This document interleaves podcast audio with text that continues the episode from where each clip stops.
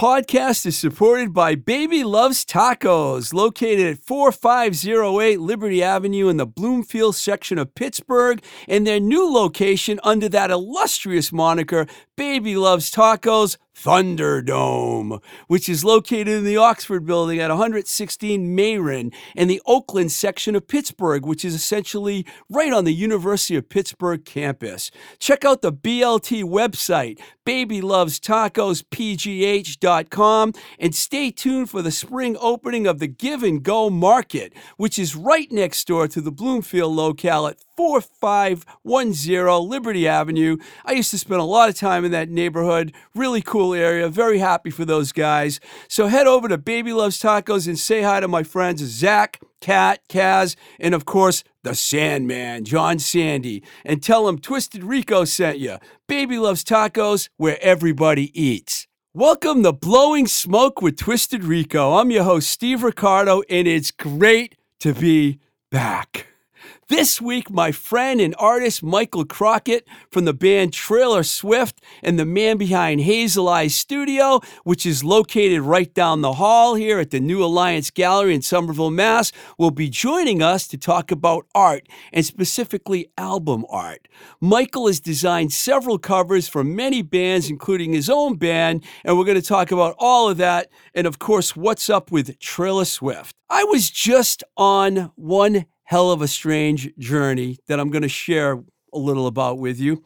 That's right, the dreaded COVID caught up to me with a heavy dose of the worst symptoms. I've been hearing from people all along that, oh, it's nothing, it's like a cold, it's, you know, it, that wasn't my case, man. I had all the worst possible shit that you can have. And uh, I'm just happy it's over and I'm glad to be back here doing what I love doing. I just feel bad for the many people that have passed away from this virus that have been misinformed, and hopefully that won't be the case any longer. And I kind of feel like things are starting to get better, at least around here in the Northeast where we are. So I'm very optimistic. So, whether it be a celebrity like Meatloaf or someone like my unvaccinated friend, who the last time I saw was sitting on a stretcher outside of his house coughing, before being put into an ambulance and then spent a month in the hospital before passing away. God, it, once you see it, man, it's like it's a horrible thing, and you don't want to have anybody ever go through that.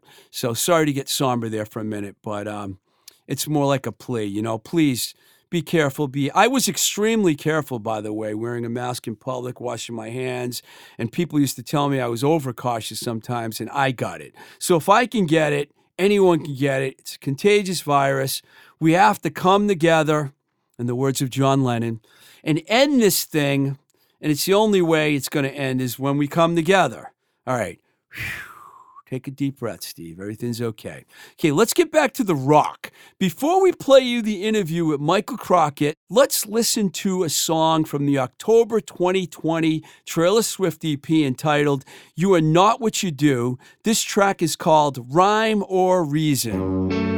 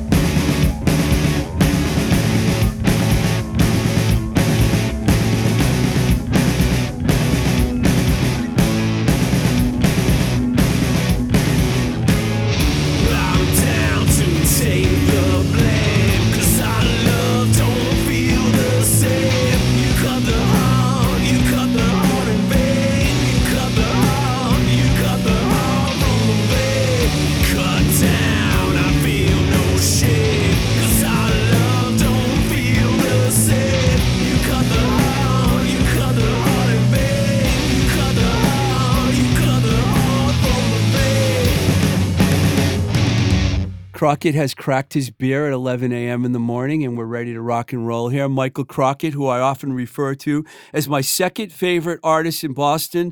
But in reality, along with Alvin Long, Michael is one of my favorite artists and someone I have learned a lot from, basically, same as Alvin. Hello, Michael. Hey there. Good to see you. And Thanks for having me on. Too. Oh, I appreciate it. the times I've gone in your studio while you were working, I have copied and stole so many of your ideas. Well, that of course I'm not as good as you are yet, but I'm I no, know I no, will never not. be. or Alvin, uh, you know. Well, so. as they say, great artists or good artists borrow, great artists steal. So you're in good company. Wow, I love that quote, dude. See, I'm not much of an artist because I don't even know the good, the, all the good quotes because I didn't know that quote. You know, I'm no historian. You're not really going to get facts out of me, just opinions. Well, I like your opinion. I'm glad you're here. I've been wanting to get you on the show, and, and we're making it a reality right now. So, how have you been doing lately? I know it's been kind of a strange time for all of us. Yeah, certainly. What are we going to do about it, though? You just got to be as safe as you can, right? I'm boosted and uh, I take tests every once in a while whenever I feel like I've been uh, a little too loose. Maybe the memorial recently for my good buddy Andy McKenzie uh, was probably the closest I came to too many people, but um, that has been handled with masks, being boosted, and just trying to to, to play it safe. As I mentioned before you came here, I've recovered from COVID, and I got to be honest with you, most people that know me are like how'd you get Mhm, it? mhm. and I Yeah, don't know how I got it, man. No. I, I have no idea, no clue whatsoever. Toss of the dice these days, even for the boosted.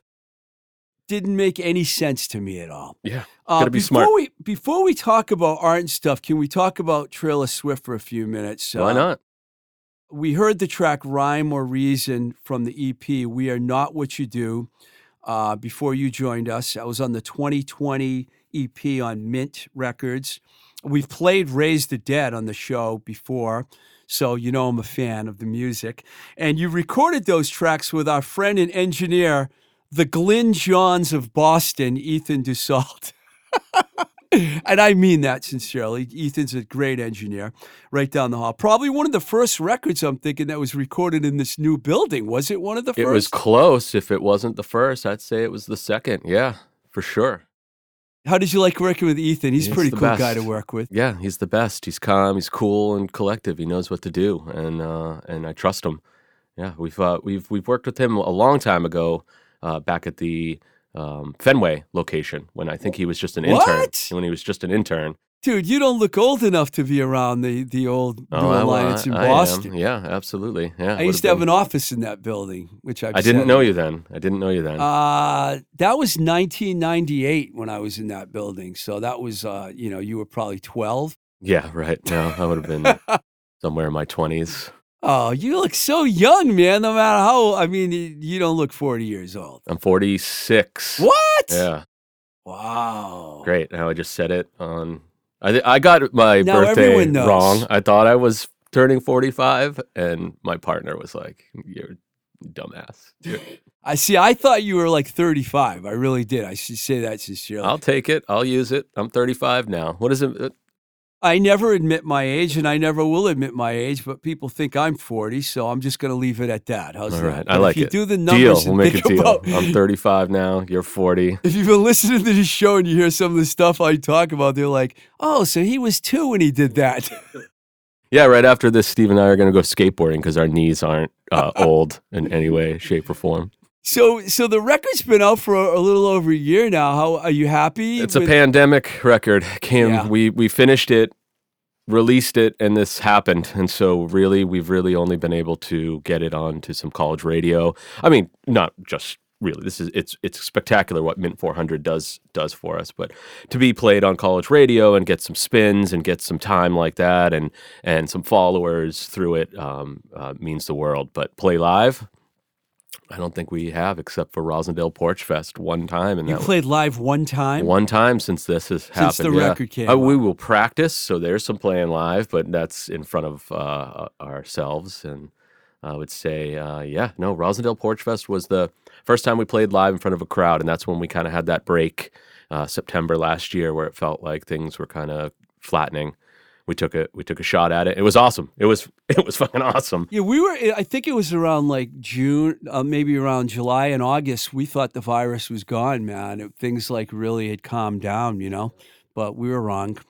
Um, I got to ask you two questions about Taylor Swift. One that I know people are going to ask me because I've Where's heard this question before. Where does yeah, exactly? I mean, you know, I know you. I know you. I don't. Yeah, I believe you told me that you're a big Taylor Swift fan and you have all her records. I'm, Yeah, no, I'm, a super, I'm a super fan. I'm a super fan. I love I love uh, Taylor Swift. Uh, it it's not a crack. It's not parody or anything. We don't cover Taylor songs, but um, it's a it's a it's a it's commentary.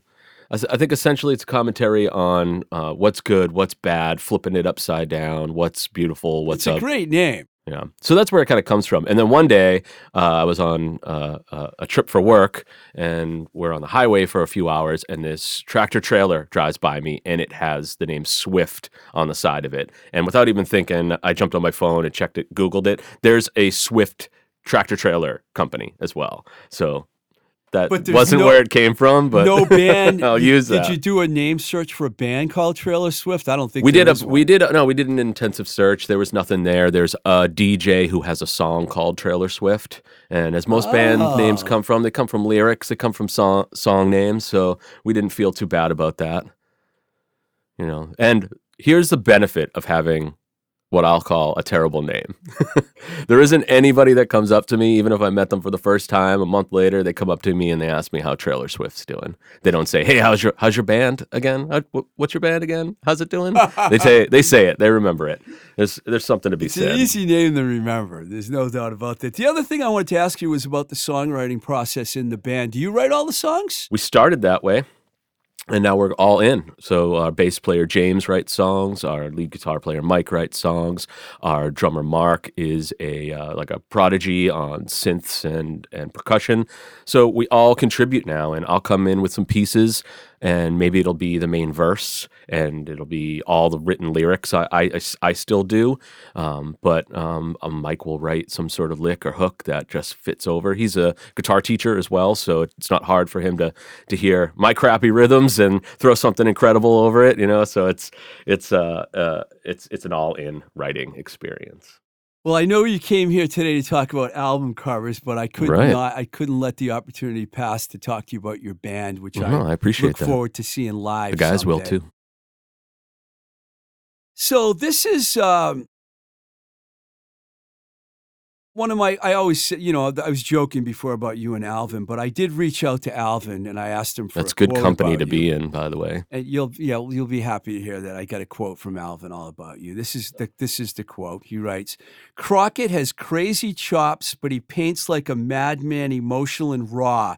You can't take your eyes off his wild figures and giant primal faces." That pretty much hit the spot yeah I, I would have to agree because I think your style and the results of your work have influenced me, like I said, in my artwork. And you certainly are a madman when it comes to art. Yet you're always so calm and refrained when you're having a conversation. Your art and the way you, the way you create art and the way you are as a person, it does. When I saw your stuff, I was like, that doesn't really seem like this guy would do it. no i so get you that must have a wild Sure, I get that. brain, a wild side. It's on to you. fire. Yeah, it's on fire most of the time. Um, yeah, I think my work has humbled me in my older age. It really has taken me this far.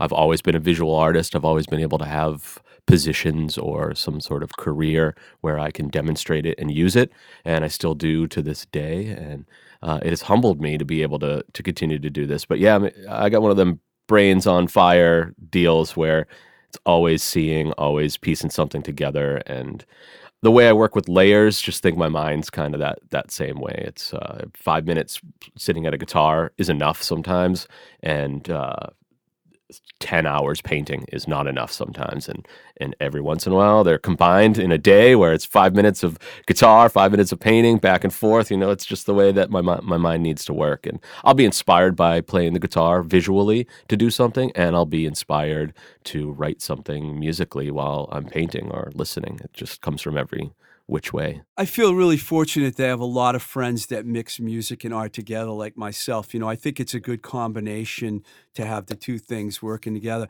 This question might be related to the band or it might be related to the fact that you've done you've designed many covers and i have a list that i'll just mention some of these bands mellow bravo uh, sarah rabdow jq party boys the electric bastards brothers rye the living sea which was your band Yep. trailer swift which is your band the burning paris how did you end up getting involved with the whole new alliance thing was it from the art or was it from the music It was both. Um, I've always been an artist and I wasn't a musician really until my 20s, where I really hunkered down and started to teach myself and play with others.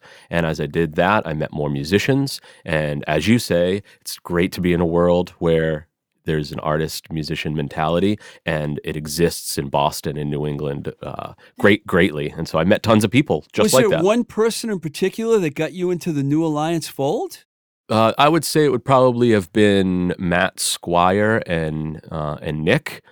Nick Zampiello. Exactly, yeah. So back when I was in the Burning Paris, I would have uh, been recording at the Fenway location, and Matt Squire was our our engineer. I didn't know Matt. I don't. I don't think I know who he is, but Nick, I know, of course. Nick engineered a Yeah, Nick. Nick's been Nick's been the uh, the He mastered the your, core, your record yeah. too. That came absolutely, year. yeah. He masters everything we do. I Last don't, I don't really go anywhere else. Doesn't it feel weird saying last year because you think you're talking about 2020, but I'll there was say- a whole nother year? I'll say last year, and I actually mean three. Yeah, The, last two years, So we true, should man. just So take the last two years and make them one year. Actually. We should just erase them. Is Yeah, what we should do. 2.0 A and 2.0 Maybe B. the last six years. So, did these bands all find you to do their covers? Did they seek you out, or how did that all happen? Yeah, for the most part, it's a domino effect. You do you do a good job on one thing, and the world the word will spread. And so I think um, when I had an art studio in Somerville a few years ago at Joy Street Studios, which is just down by the the bridge, um, I would advertise that I could do it, and I would show my bands because that's where it all started. It's you know. You got an artist in a band, u- utilize them. Uh, you got someone that can record you in, in the band, u- utilize them. You know, strengthen numbers. So it's really how that kind of started. And from there, playing out live, live, going on tour, meeting other musicians. They have album releases. I would uh, I would get calls or an email or something like that, and and go from there and Would you help ever- them out. Would you ever think of having someone else do your album cover Yeah, for your yeah, band? sure. I mean, it's just uh, I don't think I have yet, but it's not out of the question. That's for Right, sure. Are you? Are you? Why are, why are you pointing at yourself? What's? Go- I'm joking. Well, you know, your your work is fantastic, you know, and I can understand why people would reach out to you. Um, you actually put the idea in my head to talk about some of our favorite album covers. Right, I'm yeah. mostly going to let you talk about yours because you gave me a long list of people, artists, and art and covers that you like, and um, I'll just mention the name and then I'll let you talk about it. The first one on the list was Hot Water Music, Scott Sinclair. I Right, could right. totally see and understand why you, like get it, right? Scott's work, Yeah, though. yeah, There are no doubt. similarities. And I would have been in high school when I first saw that, so I was really impressionable at that time. You know, in my in my uh, early teens, and seriously saw that Hot Water Music uh, album cover and just copied it.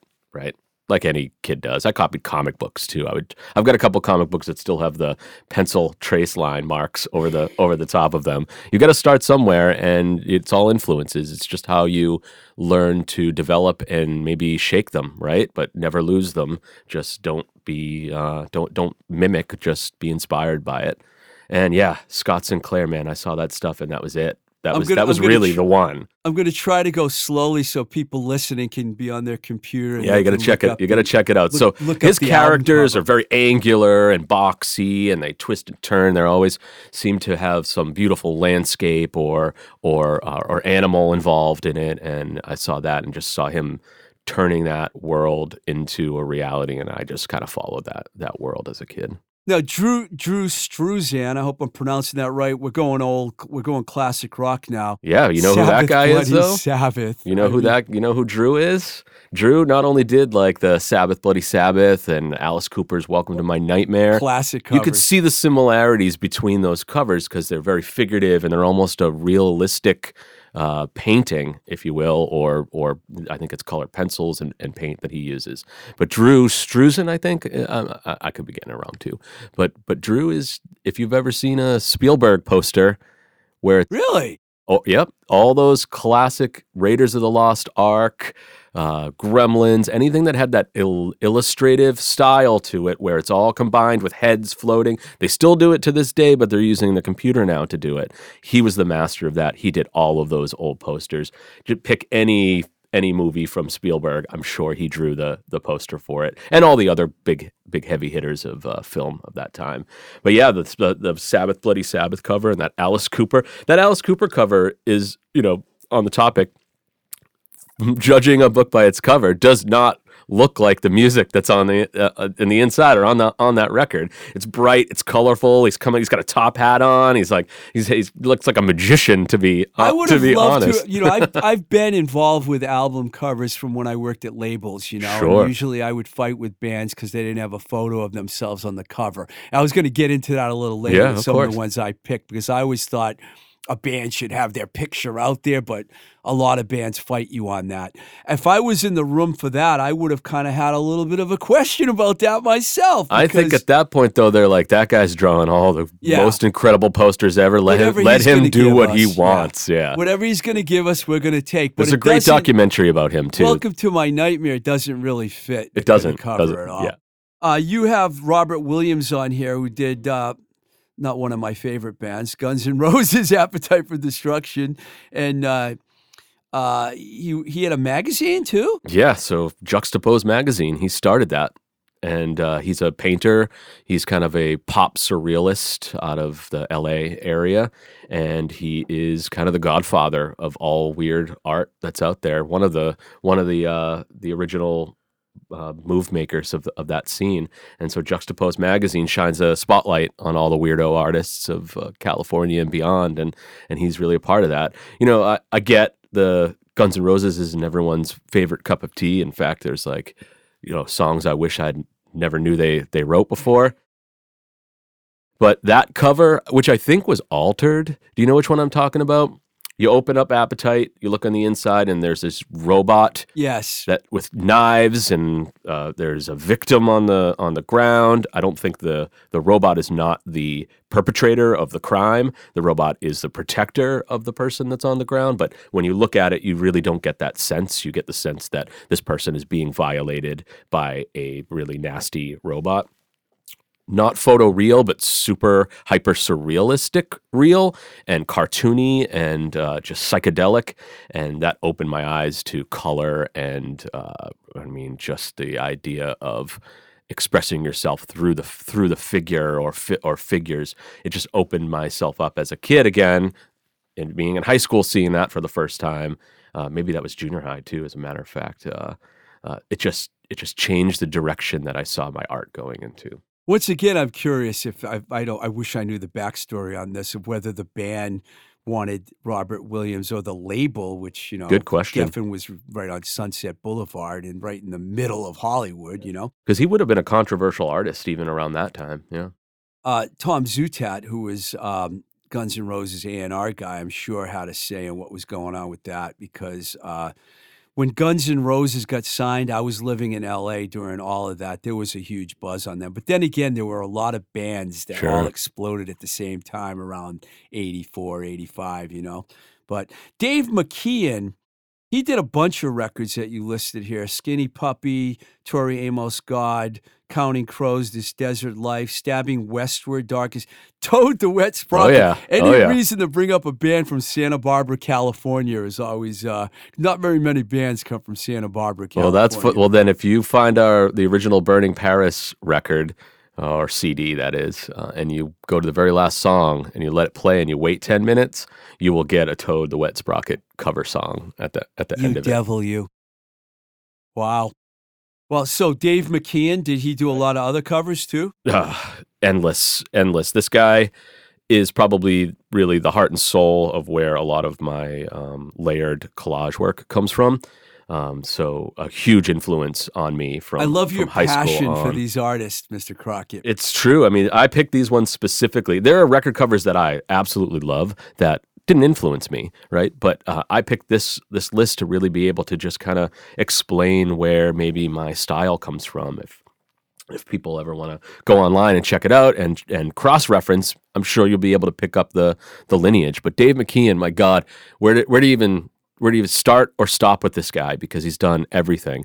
Uh, you would probably best know him from the covers that he did for Neil Gaiman's Sandman series, which is going to get repopular again because there's a TV show I think co- coming out about it.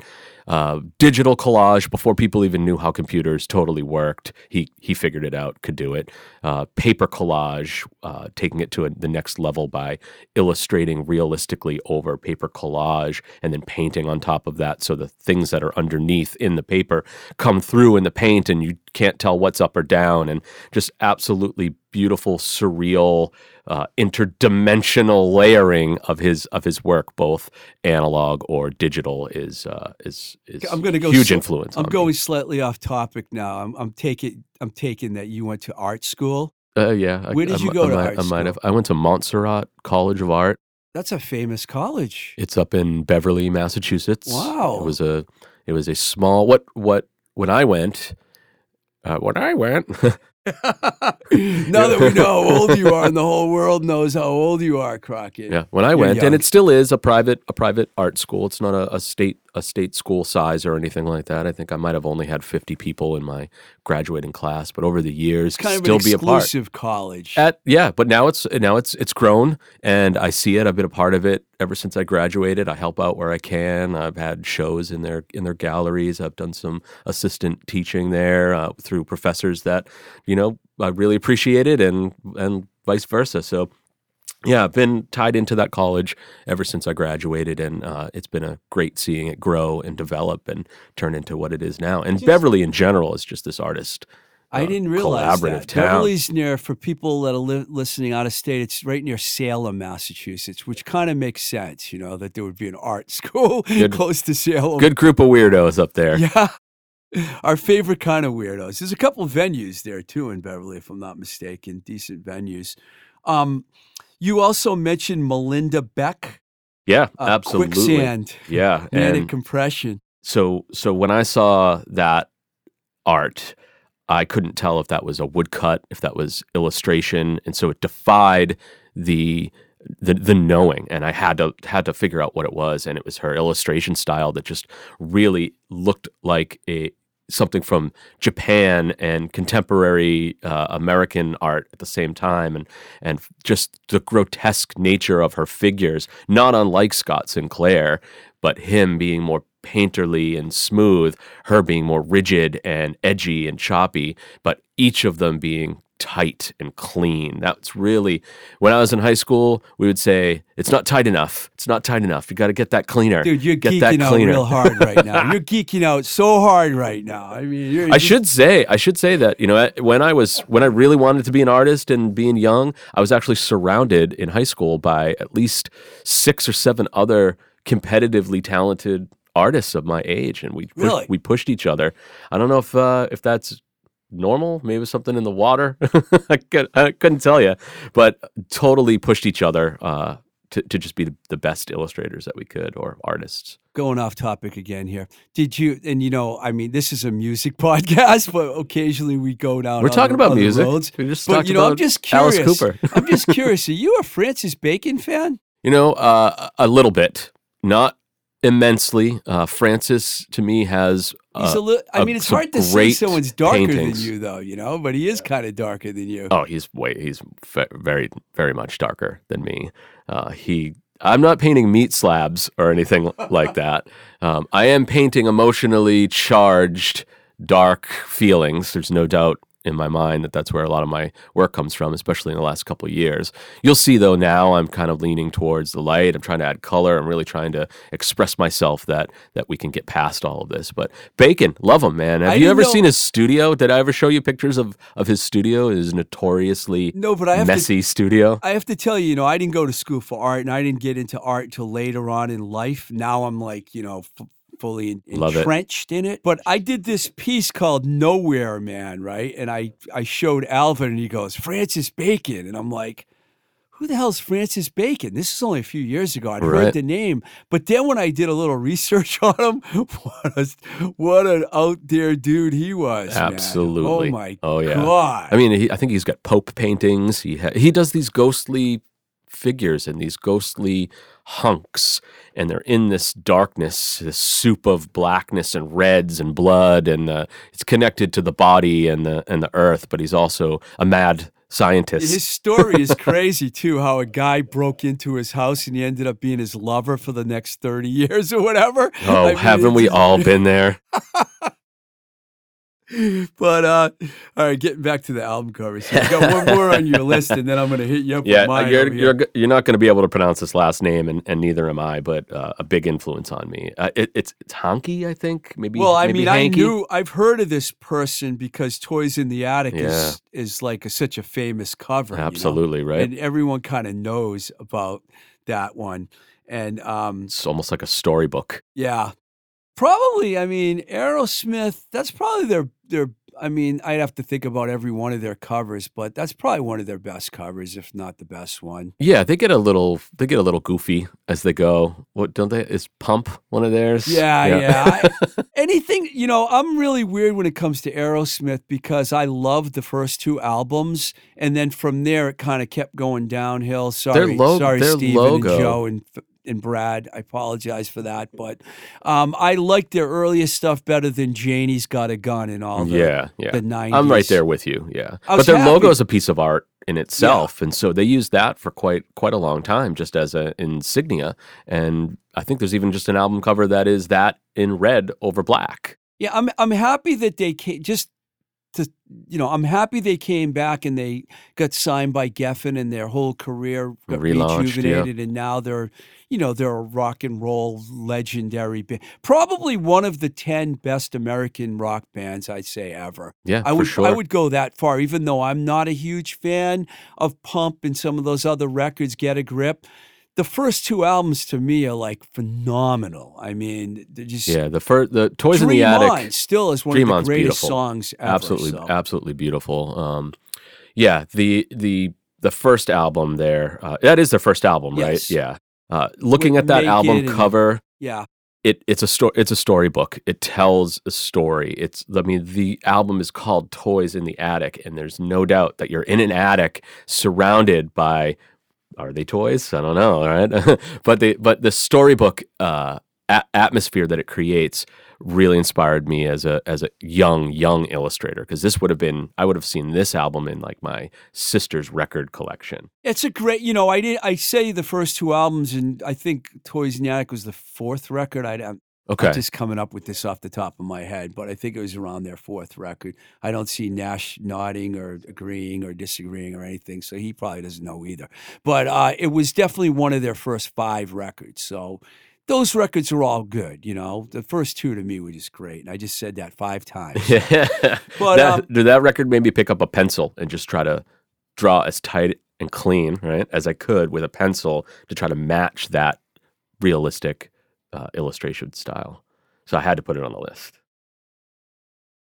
I almost changed my entire list last night of the record covers that You didn't I send me a you didn't send me a No, I, change. I because I didn't change the list because I was talking to my friend Heather from Colorado and she was like, she's giving me all these ideas in my head. What about that? What about this? And I'm like, you're gonna make me change my list, you know? Like, don't don't do that because I want to stick to what I came up But with. was there a reason for this list? Is this Yeah, I just love the covers. Like, for example, the Beatles Revolver record, Klaus Voormann is the reason because Klaus Voormann, I don't know if you know who he is, but he was his girlfriend Ingrid, I believe his name, or his wife, they used to see the Beatles play in Germany before the G- Beatles became famous, so they became friends. Klaus ended up playing on All Things Must Pass bass, and he played on Ringo's solo records, and he played with the Plastic Ono Band album on some of their records. So he not That's only in. was a friend, Yeah. but he was with on many of their records, and he drew the revolver cover, which was the Beatles kind of like well, Rubber Soul is when they started doing that acid trips, but Ru- Ru- revolver This really, has it though. Yeah, this yeah, does really. have it. If you look at that cover, you're More like, graphically. what's going on here? It's a yep. drawing and it's black and white, and I've always thought It's a beautiful, beautiful cover. most people would say, well, wait a second, you know, uh, Abbey Road and Sergeant Pepper are better covers. Maybe they are better covers, but I personally They're totally different. Those they're photo they're photographs, and this is an illustration. So Yeah. yeah, the Beatles Revolver is up there in like a, a top five albums for me in, in general. A lot of British bands actually are musically or the cover. You mean musically. Yeah, musically. musically. Yeah, Yeah, that's one of my favorite Beatles al- albums, and just flat flat out. But the cover's gorgeous, really graphic. It it it uh, it's a lot of hidden things in there too gra- graphically there's you know just the lines that blend the faces together the the i think there's even some collage mi- mixed in it if i if i'm not it's really where you can. It's not one looking at it right now. I'm just trying to remember. study. You can study really the cover. is and that's what all of these kind of have Yeah. And and you know what? You know what? I should have said this at the beginning, but when they tried to get music to become all digital and get rid of all the hard copies, that was like throwing the good stuff out the window. yeah right Because I have a thousand agree, albums at 100%. home that I like to look at the cover. you sit with them and you know, th- open it's them Yep. part of the whole process. It suppo- was supposed to be, and I still believe it should be. Um, yeah, I mean, we can even talk about that for a second. I mean, as a record cover designer myself, it has gone from designing gatefolds and uh, just double double liners or or twelve inch record to just a square for the the S word, the online S word. can Yeah, I say mean, that name on on this podcast? Is that all right? Shit. oh, Spotify. Is that okay? Yeah, they are shit these days. I canceled my subscription. A but- square. That's But what I it is to now. be careful because people on Spotify are listening to this show right now, so I don't want. Well, let's to hope get so. Too upset at me. Um, a- it's they a- listen a, more it's on a tool that works. I, I do get it. I don't I don't subscribe to it. Yeah, I mean, but the point I was making is, and I know you agree with me, is that the art is part of the music, and if you take that away and just say we're just going to release everything digitally and there's no cover, You've really lost a whole the- percentage, a big right, like- percentage of it. especially for someone like you, it means as much to you as it means to a fan. Like Does it me. change the a perspective of of young people when they see or listen to to rock and roll or music in general? There's nothing to say to them. Let me sit down with this and and study this. And maybe maybe the computer, maybe that's where it is. And my my mind is just not tied into the. I experience music by looking it up on the, online. I experience music by going to a store, shopping through the catalogs, looking at all the covers, sitting there, opening it up, and and listening from end to end. It's somebody, you know, whether it be Urban Outfitters, whoever, thought it was a good idea to get vinyl back out They there. did, you know, right? I and, remember And you got these young artists, and I know Mike's going to say not again, like Olivia Rodrigo, to mention her. Wait, I just listened and to your podcast Eilish. the other day. You said you said her name. Yeah, I say her name on every podcast, and you know, people give me a hard time about Billie this. Eilish, I, I love. But you know those coming out on vinyl and with the nice artwork and the photos of the those two records is going to get, get the it. younger people more interested Let's and make so. them real yeah let's hope so because to me and you know the other thing is the lyrics too you know i like reading the lyrics when i listen to a song you know i mean We're complaining about something about technology, I think, because we're saying like, oh, we can't read the lyrics anymore, but I guess we can. We can yeah but the, if you op- have look the at album our phone. dude i would i would you know it's not. It's just not the same. That's what we're saying. It, it- it's just simply Cassettes- not the same. Cassettes were supposed to be so cool when they came up, but they shrunk the artwork down to this little tiny pocket sized thing. And the CD too, eight track, you know, but the album. But a single that only had the cardboard wrap around it. It got even less, just the cardboard wrap, and then the the extra twelve inches of plastic that held it all together. Well, I'm glad we agree on this. I also Let's had, do your list. Let's not forget I your had list. Queen News of the World. Queen's my favorite. Is that the robot? Yeah. Yeah, It's yeah. adapted from the American sci fi artist Kelly Freas, and the drummer, Roger Taylor, liked the photo and recommended it to the band. And that's when they threw the guys on the cover in the in the In the robot's palm the hands. hand, you know, it's really cool. I mean, you can like smoke some weed and look at that cover and go, "Wow, man, this is far Well, out." you, you can also watch a whole Family Guy episode about that cover specifically and how Really? Stewie is enamored by it, and I it didn't just know that. it develops into like breaking it down to its to its essence. And oh yeah, I'll leave it at that. I like all the Queen covers, but that one for some reason was the one that got me. And then you know, here's what I was going to bring up about the photo covers rather than the than the artwork. Jimi Hendrix Electric Ladyland, the original one that got banned because you know it's picture, big, big, basically a picture of a bunch of naked women looking directly at the camera.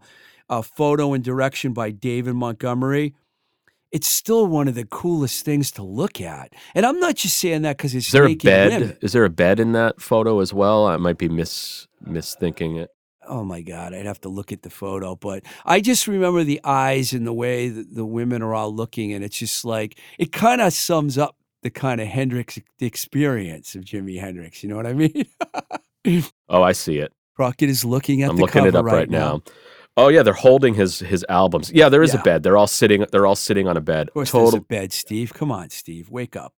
All right, I'm gonna close my window here. You're gonna get a bunch of naked women. You might as well put them in a bed, right there. Well, we like the go Beatles. again, saying inappropriate. More banned things. album covers have been banned time and time again, and really, it. Blind Faith's album cover banned. You know, What I about mean, the Be- the Beatles with the with the babies, the well, baby the dolls, Butcher the album. Butcher I was going to bring that up at some point because that cover is the looks on their faces on that cover. They're like all grinning with these. George has got this like I got mangled meat hanging all over me. I can you know? I can understand why that cover isn't isn't mainstream uh, and why it's so collectible now too. But yeah, they probably were better off not having that. In the U.S., I think they're a little more fussier than they were overseas. Time and place is Yeah. really is really what causes that sort of thing. Like that, you could put an album cover out like that today, and no one would shake a, an eyelash at it.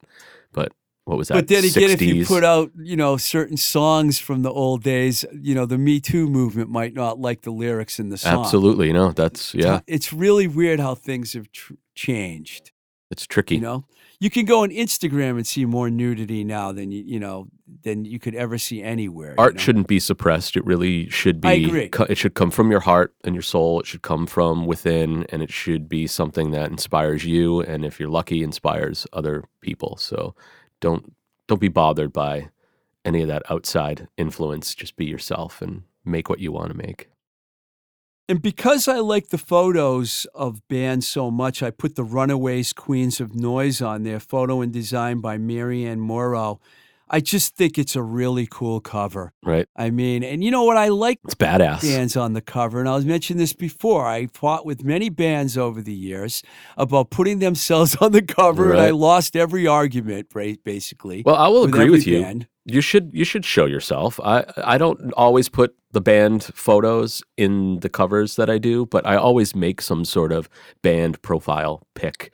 Make it I make a collage. There's a there's a Trailer Swift one of all of us together, just headshots that I did and overlaid them with each other. You know, it, it's And you could you want to be it- recognizable to people when you're up on stage at the same time. Yeah, you could do what the Who did on Who's Next. It's a great landscape, but there's the four members in the in the photo, you know, which I really like that cover. Was it the Who or the Rolling. Stones? Who who are the ones that were they're eating all the the giant um uh, soup? The Who. The Who, love that. I love that cover. Yeah, they have some pretty cool covers actually. and Pink Floyd does too. A lot of those Yeah. classic rocks.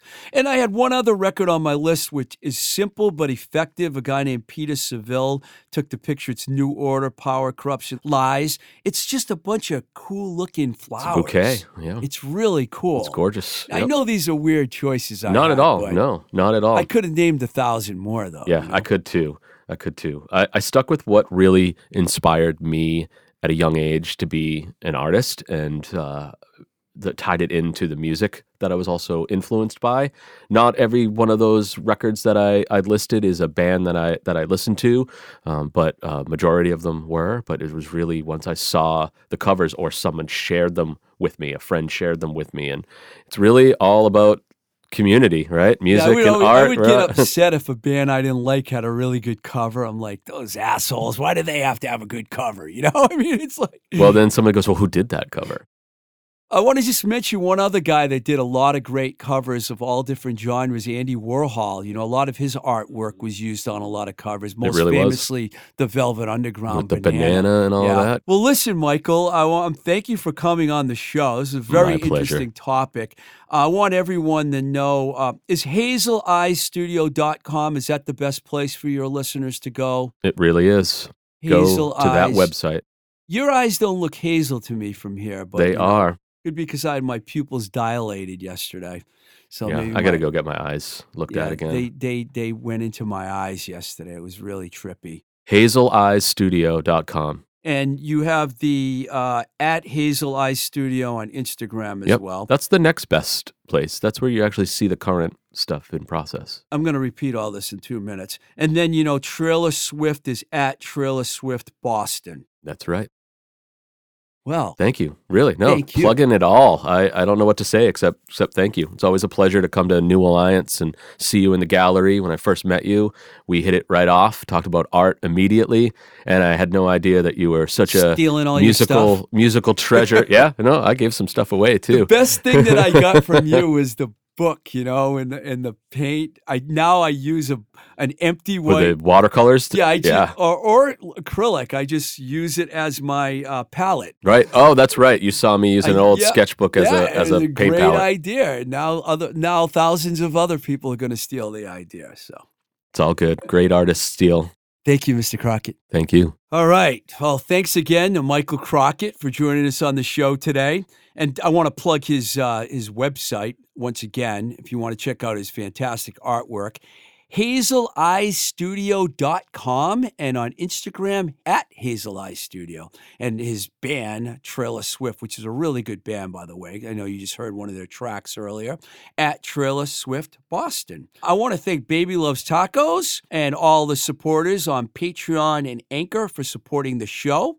Also to Mike Nash here at Voice Motel in Somerville for the fantastic engineering and editing job he does. Uh, every now and then I like to do something a little different, and we're going to do something a little different here. We're going to end the show with a song, and this is a song I really like a lot. So please stick around to the very end to hear the track Dairy Queen by the band Lost Lake, featuring Isabel Riley, one of my favorite people that makes music, art, and works on film and stuff, and we've known each other for a long time.